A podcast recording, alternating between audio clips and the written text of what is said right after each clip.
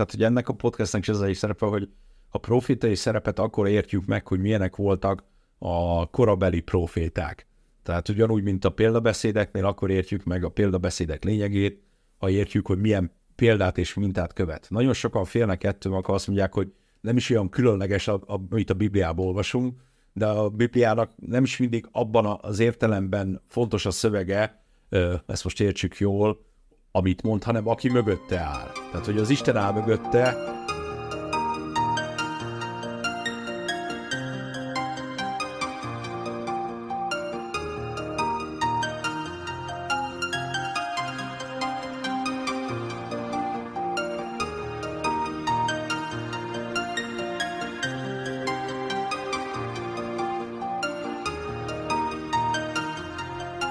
Szeretettel köszöntjük a hallgatókat! Ez a Biblia és Bölcsészet podcast első adása, ahol bibliai témákról beszélget két barát, filozófiai és társadalomtudományi kitekintésekkel, mindezt baptista nézőpontból. A beszélgető társak Vas Ferenc igényhirdető és Sinka Csaba, a Szolgatás Teológiai Folyóirat szerkesztője. Ez az új podcast nem előzmények nélküli, Szolgatás Podcast néven 2017-ben amikor Magyarországon még alig voltak podcastek, készítettünk ketten ilyet. A mostani annyiban lesz más, hogy interaktív, beszélgetős formában igyekszünk érinteni a témáinkat. A mai témánk a profétaság, azon belül is a kis proféták. Mivel nagy témáról van szó, valószínűleg csak belekezdünk, és majd folytatni fogjuk. De előtte röviden arról, hogy mi motivált bennünket, hogy belekezdjünk ebbe a podcast folyamba. Feri, te miért szeretnél ilyen beszélgetős podcastet? Vas Ferenc vagyok a Tokodi Baptista gyülekezet igéhirdetője. Alapvetően két dolog, amivel szoktam foglalkozni, a teológia és az irodalom, és ez a podcast megfelelő eszköz arra, hogy a teológiáról és az irodalomról beszéljünk, és ez a célunk, hogy valamilyen módon ennek a két tudományágnak az összevonásával valami értelmeset mondjunk az Isten igéjéről, és hát ebben benne van az is, hogy lesz majd görög, meg lesz majd héber, és egy nagyon-nagyon pici. És Csaba, te célod? E, nagyon érdekel a műfaj, sok podcastet olvasok, hallgatok, bocs, de a másik oldalas most már egyre izgalmasabb nekem, és a korábbi podcastben nem volt erre lehetőség, mert az más formátum volt. Most viszont már ha beszélgetünk, ez, ez engem is izgat, hogy hogy mire tudunk eljutni, milyen igazságokat tudunk magunk számára is, és a kedves hallgatóink számára is felszínre hozni. Úgyhogy nagyon izgalommal vágunk ebbe bele. Folytassuk azzal a kérdéssel, hogy ez a téma miért pont most aktuális, miért tartott fontosnak és ma is érdekesnek ezt a proféta témát, profétaság témáját? Engem nagyon érdekel, még nem jutottam oda, a profétai mozgalom miért erősödött meg ebben az időszakban, amiben most éppen élünk, és ezért gondolkoztam el azon, hogy a profétaság mit is jelent, hogyan is kell gondolkoznunk erről, és a másik, ami nagyon fontos volt a számomra ennek a témának a felvetésében, hogy amikor kicsit készítettem erről saját videókat a profétai könyvekről, akkor valamilyen módon azt érzékeltem, kicsit irodalmi szemszögből is észrevéve, hogy a kis profétáknak a hangsúlya hasonlít ahhoz a hangsúlyhoz, amiben a gyerekkorom prédikátorai, igehirdetői, nem feltétlenül a professzionálisak, hanem a hétköznapi igehirdetőik beszéltek, és ezért egy kicsit rokonabb lett hozzám a kis profétáságnak a gondolkozása, és ezt szerettem volna egy kicsit megvizsgálni és utána nézni. Sok mindenre eljutottam, erről is szeretném majd beszélni. Neked mitől fontos a profétaság ma? A Biblia jelentős része a profétai könyvek, és sokszor azért, ha az ember idáig eljött a Biblia olvasásában, hogy a profétai könyvek következnek, sokkal több kérdés merül fel az olvasóban, mint, mint válasz, és nagyon úgy érzem, hogy, hogy kell itt még valami háttérismeret, hogy, hogy igazán felfogjam, hogy ez miért volt olyan ütős, meg, meg fontos akkor, és ha talán ezt jobban megérti az ember, akkor, akkor azt is látja, hogy miért fontos ma az az üzenet, amit ott akkor hallottak a, a kortársak, amit a proféta hirdetett, Úgyhogy minden bizonyal mai értelme és mai jelentősége is van ennek. A kis proféták, ugye most ez a témánk, kevésbé jelentősek voltak, mint a nagy proféták. Mi ez a különbségtétel? A, a, a Bibliában elfoglalt hosszú miatt van ez a különbségtétel? Nyilván elsősorban igen, tehát a, a szövegek hosszúsága és maradandósága, mert ugye a Bibliában megtaláltuk, de még egy kicsit visszatérnék a profétaságnak ahhoz a kérdéséhez, hogy miért fontos a profétaság. Tehát a profétaság akkor erősödik föl mindig, amikor valamilyen módon a tudományosság is megerősödik, tehát a tudományosságnak bizonyos szempontból ellentéte a profétaság, és ugye a kis proféták is ugye ebben a, a egy ilyen ellenhang és visszhangok voltak, ugye ezért érezzük őket kevésbé jelentőseknek, mert ugye a nagy proféták után érkeznek, tehát ugye mindenki azért úgy olvassa a Bibliát, aki ráveszi magát arra, hogy a Bibliát egészében olvassa, hogy kezdi Mózes első öt könyvével, és végig olvassuk sorrendben, és legvégén érkezünk el a kis profétákhoz, és úgy próbáljuk értelmezni a kis profétákat, hogy mindazt már olvastuk, ami előtte volt. És ugye ez, ami azt a kérdést is veti föl bennünk, ugye, hogy tanultunk történelemkritikát, meg bibliakritikát az iskolában, hogy a Biblia kritika egy bizonyos szempontból azt mondja, és ez a nagy kérdésünk, ugye az Úr Jézus után egy kicsit hasonlóan, hogy a kis proféták elsők voltak a sorban, vagy utolsóak voltak a sorban. Ezt úgy értem, hogy a kis proféták és a profétai hang volt az első, ami létrehozta Izrael népét és meghallotta az Isten elhívását, vagy pedig a kis proféták, mint ahogy a Bibliánkból olvasjuk, ők az utolsók, akik az utolsó hangként szólalnak meg a Bibliában, az Ószövetségben, és ott van. És ugye ez az első és az utolsó, lesznek az elsőkből utolsók és utolsókból elsők, mondja az Úr Jézus számunkra, tehát hogy a fontossága, tehát ezt nem mindig érzékeljük és nem mindig tudjuk, de a profiták jelentősége az, hogy azt a hangnemet találták meg és mondták el, ami által a fennmaradását Izrael népének és Izrael vallásosságának,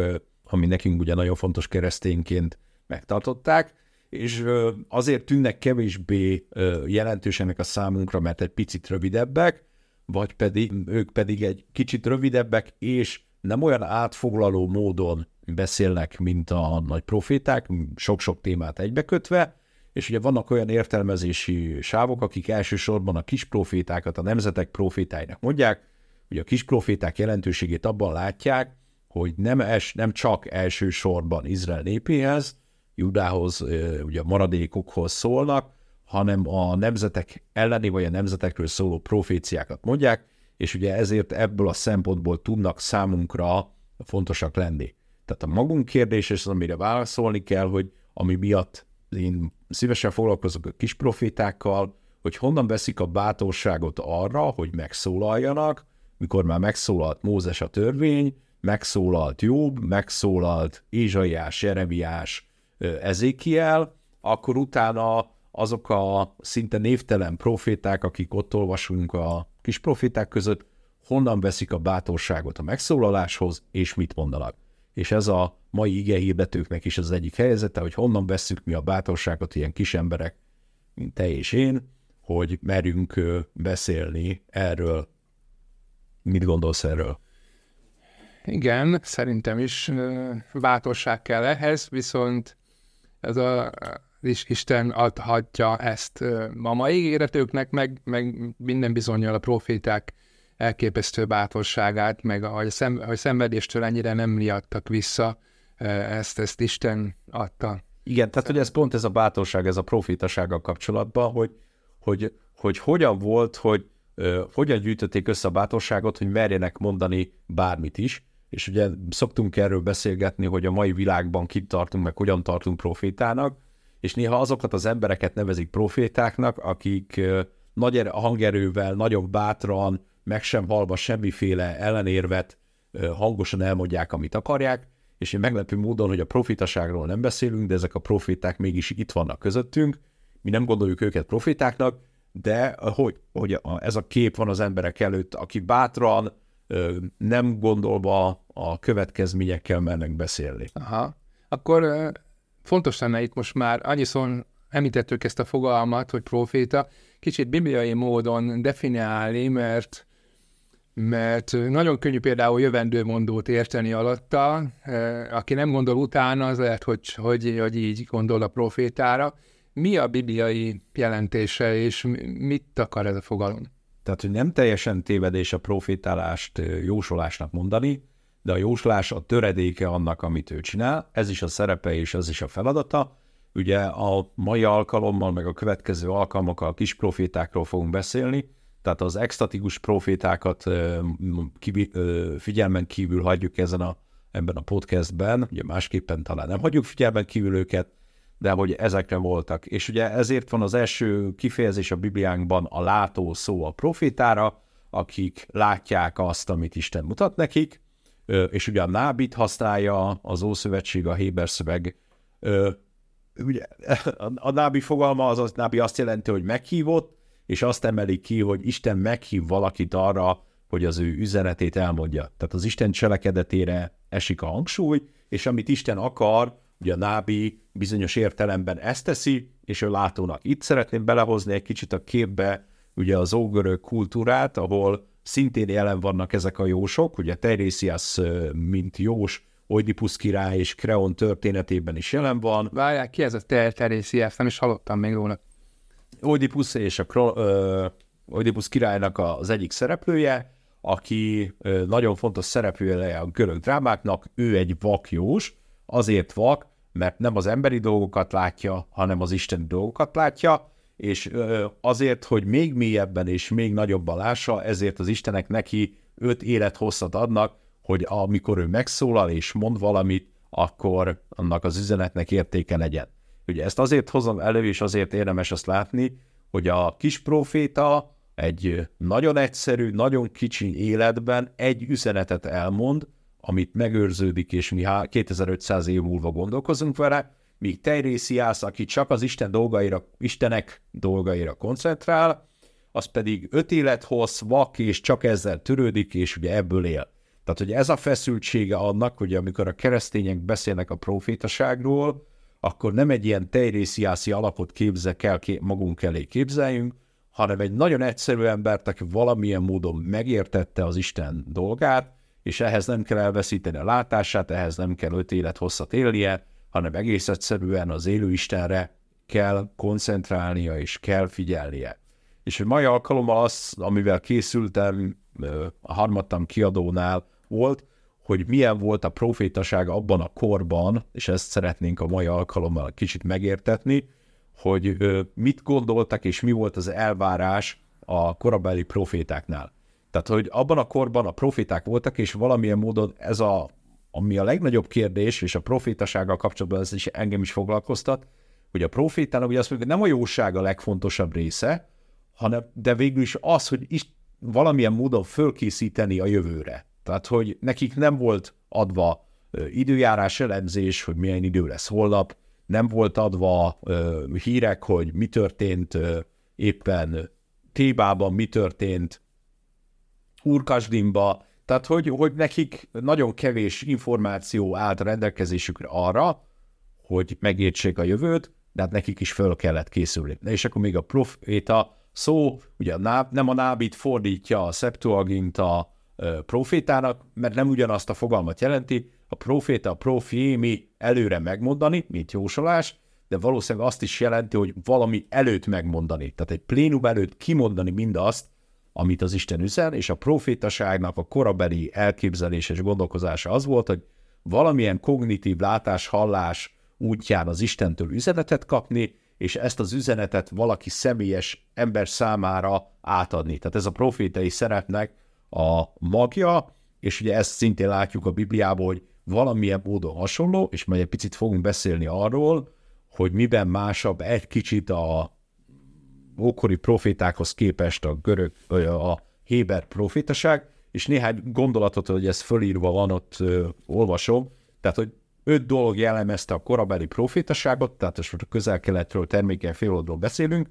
A proféta szerepe egy, az uralkodó legitimizációja, Ószövetségben is számtalan példát látunk rá, hogy, hogy ott van és legitimálja, ugye Zakariás a legegyszerűbb, ugye Zorobábellel kapcsolatban, hogy te pedig kisgyermek, utána pedig a profétai szerep volt, ugye ez is sokszor előjön, csak sokkal élesebben a, az ószövetségi profiták, a kegyesség és az irgalmasság követelménye ennek a támasztás az uralkodóval szemben, hogy te ugyan megszerezted a hatalmat, de ezt használd erre. Tehát a profiták voltak ennek a szerepei. A harmadik, ami nagyon fontos volt, ugye a hadivállalkozás, ugye a profitákat akkor keresték föl, vagy hát urákulomoknak mondhatjuk inkább őket, hogy ö, hogyan és miképpen kezdjenek bele a harcba, hol támadjanak, merre támadjanak. Tehát erre nagyon sok feljegyzés van, hogy erre kértek tanácsot a profétákról, és a proféták próbáltak erre válaszolni, erre támadj, arra támadj.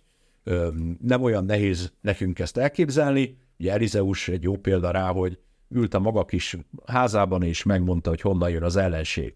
A negyedik az, hogy a szövetségkötés, ugye kis államok, nagyon nagy tét volt azon, hogy kivel kötnek szövetséget, és a proféták, orákulumok tanácsolták az embereket, hogy na te kivel kös. Ugye ezt még Jeremiásnál is látjuk, hogy menj ki és kös vele szövetséget, mert akkor megmenekülsz. Tehát, hogy ezek a, az ószövetségi proféták szerepe hasonlít nagyban, mint a közel-keleti profétákban, csak mi azt gondoljuk, és az a különbség, hogy ők az élő Istennel kommunikáltak és beszéltek, és az ötödik, ami nagyon fontos ebből a szempontból, tehát ezért tudjuk mindezt, mert összegyűjtötték ezeket a profétai üzeneteket, a hivatalnokoknak volt ilyen felelősségük, hogy összegyűjtsék ezeket az üzeneteket, mert ugye a proféta az Isten üzenetét tartalmazza, vagy az Istenek üzenetét tartalmazza, és hát ha, hát ha az tényleg az Isten üzenete, és összegyűjtötték, szelektálták, és megmaradtak több ilyen tábla, tehát több ezer tábla maradt meg, ahol ezt őrizték, hogy, hogy mit üzentek, és néha bizonyos táblákon pedig ki lehet olvasni, hogy mi lehetett a profétai orákulumi üzenet, és ott volt. Tehát, hogy, hogy ezt ők gyűjtötték, tehát, hogy ezt komolyan vétett, tehát, hogy a profétai szó ö, nem elsősorban mindig beszédben állt, de igyekeztek összegyűjteni. Tehát, hogy, hogy ez, ez, ez a profétaság öt jellemzője, és majd egy picit majd beszélünk arról kicsit később, hogy mi az az öt, amiben picit más. És amikor még egyet tennék ide, ami nagyon érdemes a figyelmünkre, a profétai üzeneteknek a szinte az első kizárólagos bevezetője a ne megszólítás volt, tehát hogy az Istennek volt joga arra, hogy azt mondja, hogy ne félj. Tehát, hogy a kicsit amikor olvassuk Bibliánkat, és ilyen ne félj üzenet van, akkor egy ilyen profétai üzenetet is kereshetünk benne, mert ö, ö, én nem mondhatom a másiknak joga, hogy ne félj, mert hát mindig van jogunk félni, de a jó Istennek van erre joga. Na hát ez tömör volt, nagyon köszönjük. Ez egy tanulmány kötet, aminek a gondolataiból itt... itt Majd belinkeljük a szolgatásba. Oké. Okay. Szóval azt megállapíthatjuk, hogy a háttérismeret az nagyon lényeges egy profétai könyv megértéséhez. Eljuthatunk biztos egy, isme- egy üzenetig úgy is, ha ennek nem megyünk utána, de valószínűleg sokkal gazdagabban tudunk erről gondolkodni, ha kicsit utána olvasunk. Igen, tehát, ez az, tehát hogy ennek a podcastnak is ez egy szerepe, hogy a profétai szerepet akkor értjük meg, hogy milyenek voltak a korabeli proféták. Tehát ugyanúgy, mint a példabeszédeknél, akkor értjük meg a példabeszédek lényegét, ha értjük, hogy milyen példát és mintát követ. Nagyon sokan félnek ettől, akkor azt mondják, hogy nem is olyan különleges, amit a Bibliából olvasunk, de a Bibliának nem is mindig abban az értelemben fontos a szövege, ezt most értsük jól, amit mond, hanem aki mögötte áll. Tehát, hogy az Isten áll mögötte, és a, a Zsoltárok a kedvenc példám erre, hogy a Zsoltár nekem mindig biztatást és bátorítást ad a, az Istennel kapcsolatban, meg a személyes életemmel, és egy egyiptomi Zsoltár majdnem ugyanolyan, mint, mint néha, mint az Ószövetségi Zsoltárok, de az nekem semmiféle lelki támasz, meg lelki megnyugvást nem ad. Tehát, hogy ez a különbség. Tehát, hogy, hogy pontosan ez, amit próbálunk tanulni, hogy a, azt a hangsúlyt, hogy amit az, amit az Isten mond, ahogy a, a, az Isten mond, és ö, ők is ugyanúgy megharcoltak, megküzdöttek velem, mint ahogy nekünk meg kell, hogy ez mit jelent. Tehát a háttérinformáció az abban segít, ja, hogy tehát mindig egy kicsi részleteket ö, tesz nekünk világosabbá, de ezekből a részletekből áll össze a nagyobb kép. Tehát igen. Szeretnék idehozni egy idézetet. G.I. Packer teológusnak van a híres könyve, amit a harmad régebben úgy adott ki, hogy az Isten ismerete, újabban pedig megismerni az Istent. Ennek a, az egyik fejezetében a, az, az Istent ismerőket így mutatja be teológus, hogy akik ismerik Istent, azok Isten ügyében határozott fellépést tanúsítanak, minden tekintetben hatalmasnak ismerik, bátran kiállnak Isten igazsága mellett, ugyanakkor nagy békességük van ő benne, mondja a teológus. Téved az, aki reformert vagy vallásújítót lát egyes profétában? Nem, nem téved. James Packer ö, nagyon szeretem a szövegeit, és nagyon mély dolgokat mond.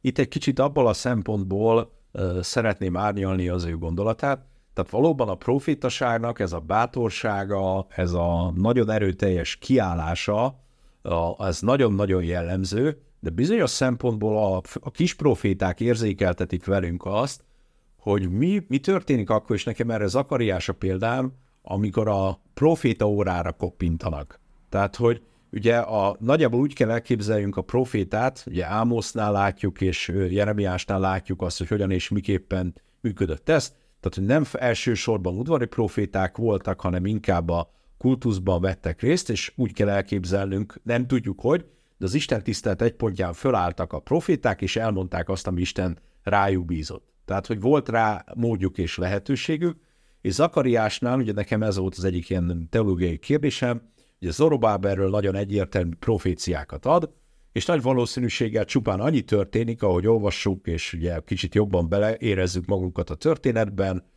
hogy a babiloni uralkodó meghallgatta és megkérdezte Zakariást, hogy te miért gondolod, hogy nem én leszek itt az uralkodó, hanem majd Zorobábel, és onnantól kezdve nagyon visszafogottan, és uh, Zakariás is áttér inkább az apokaliptikus témákra, mert rájött arra, hogy annak, annak van tétje, amit mond. Tehát, hogy a profitaság is ez, hogy van tétje, amit mond, és ahhoz, hogy el tudja mondani, amit Isten akar, ehhez ugye életben is kell maradni. Zakariás, én ezért tartom nagyra, hogy valószínűleg az órára koppintottak, hogy te ezt ne prédikáld, de azért az Isten szavát ő ugyanattól még komolyan vette. Tehát, hogy ez a nagy bátorság, ugye ez néha uh, nincs mindig meg benne, ahogy beszéltük, hogy Malakiás profétánál, a nevét sem tudjuk a profétának, miközben az egyik legkeményebb üzenetet mond, hanem ő magát egész egyszerűen Malakinak követnek mondja, és amikor nevet kellett választani a profétának, meg kell egy neve, akkor Malakiás ezt a nevet választották. Tehát, hogy a proféták, a kis proféták, ugye ezért fontosak nekünk, hogy ők már nem reformerek és vallásújítók, hanem őket sokkal inkább a tűznek és a lágnak, ami a lelkesedés volt a fenntartójának kell néznünk.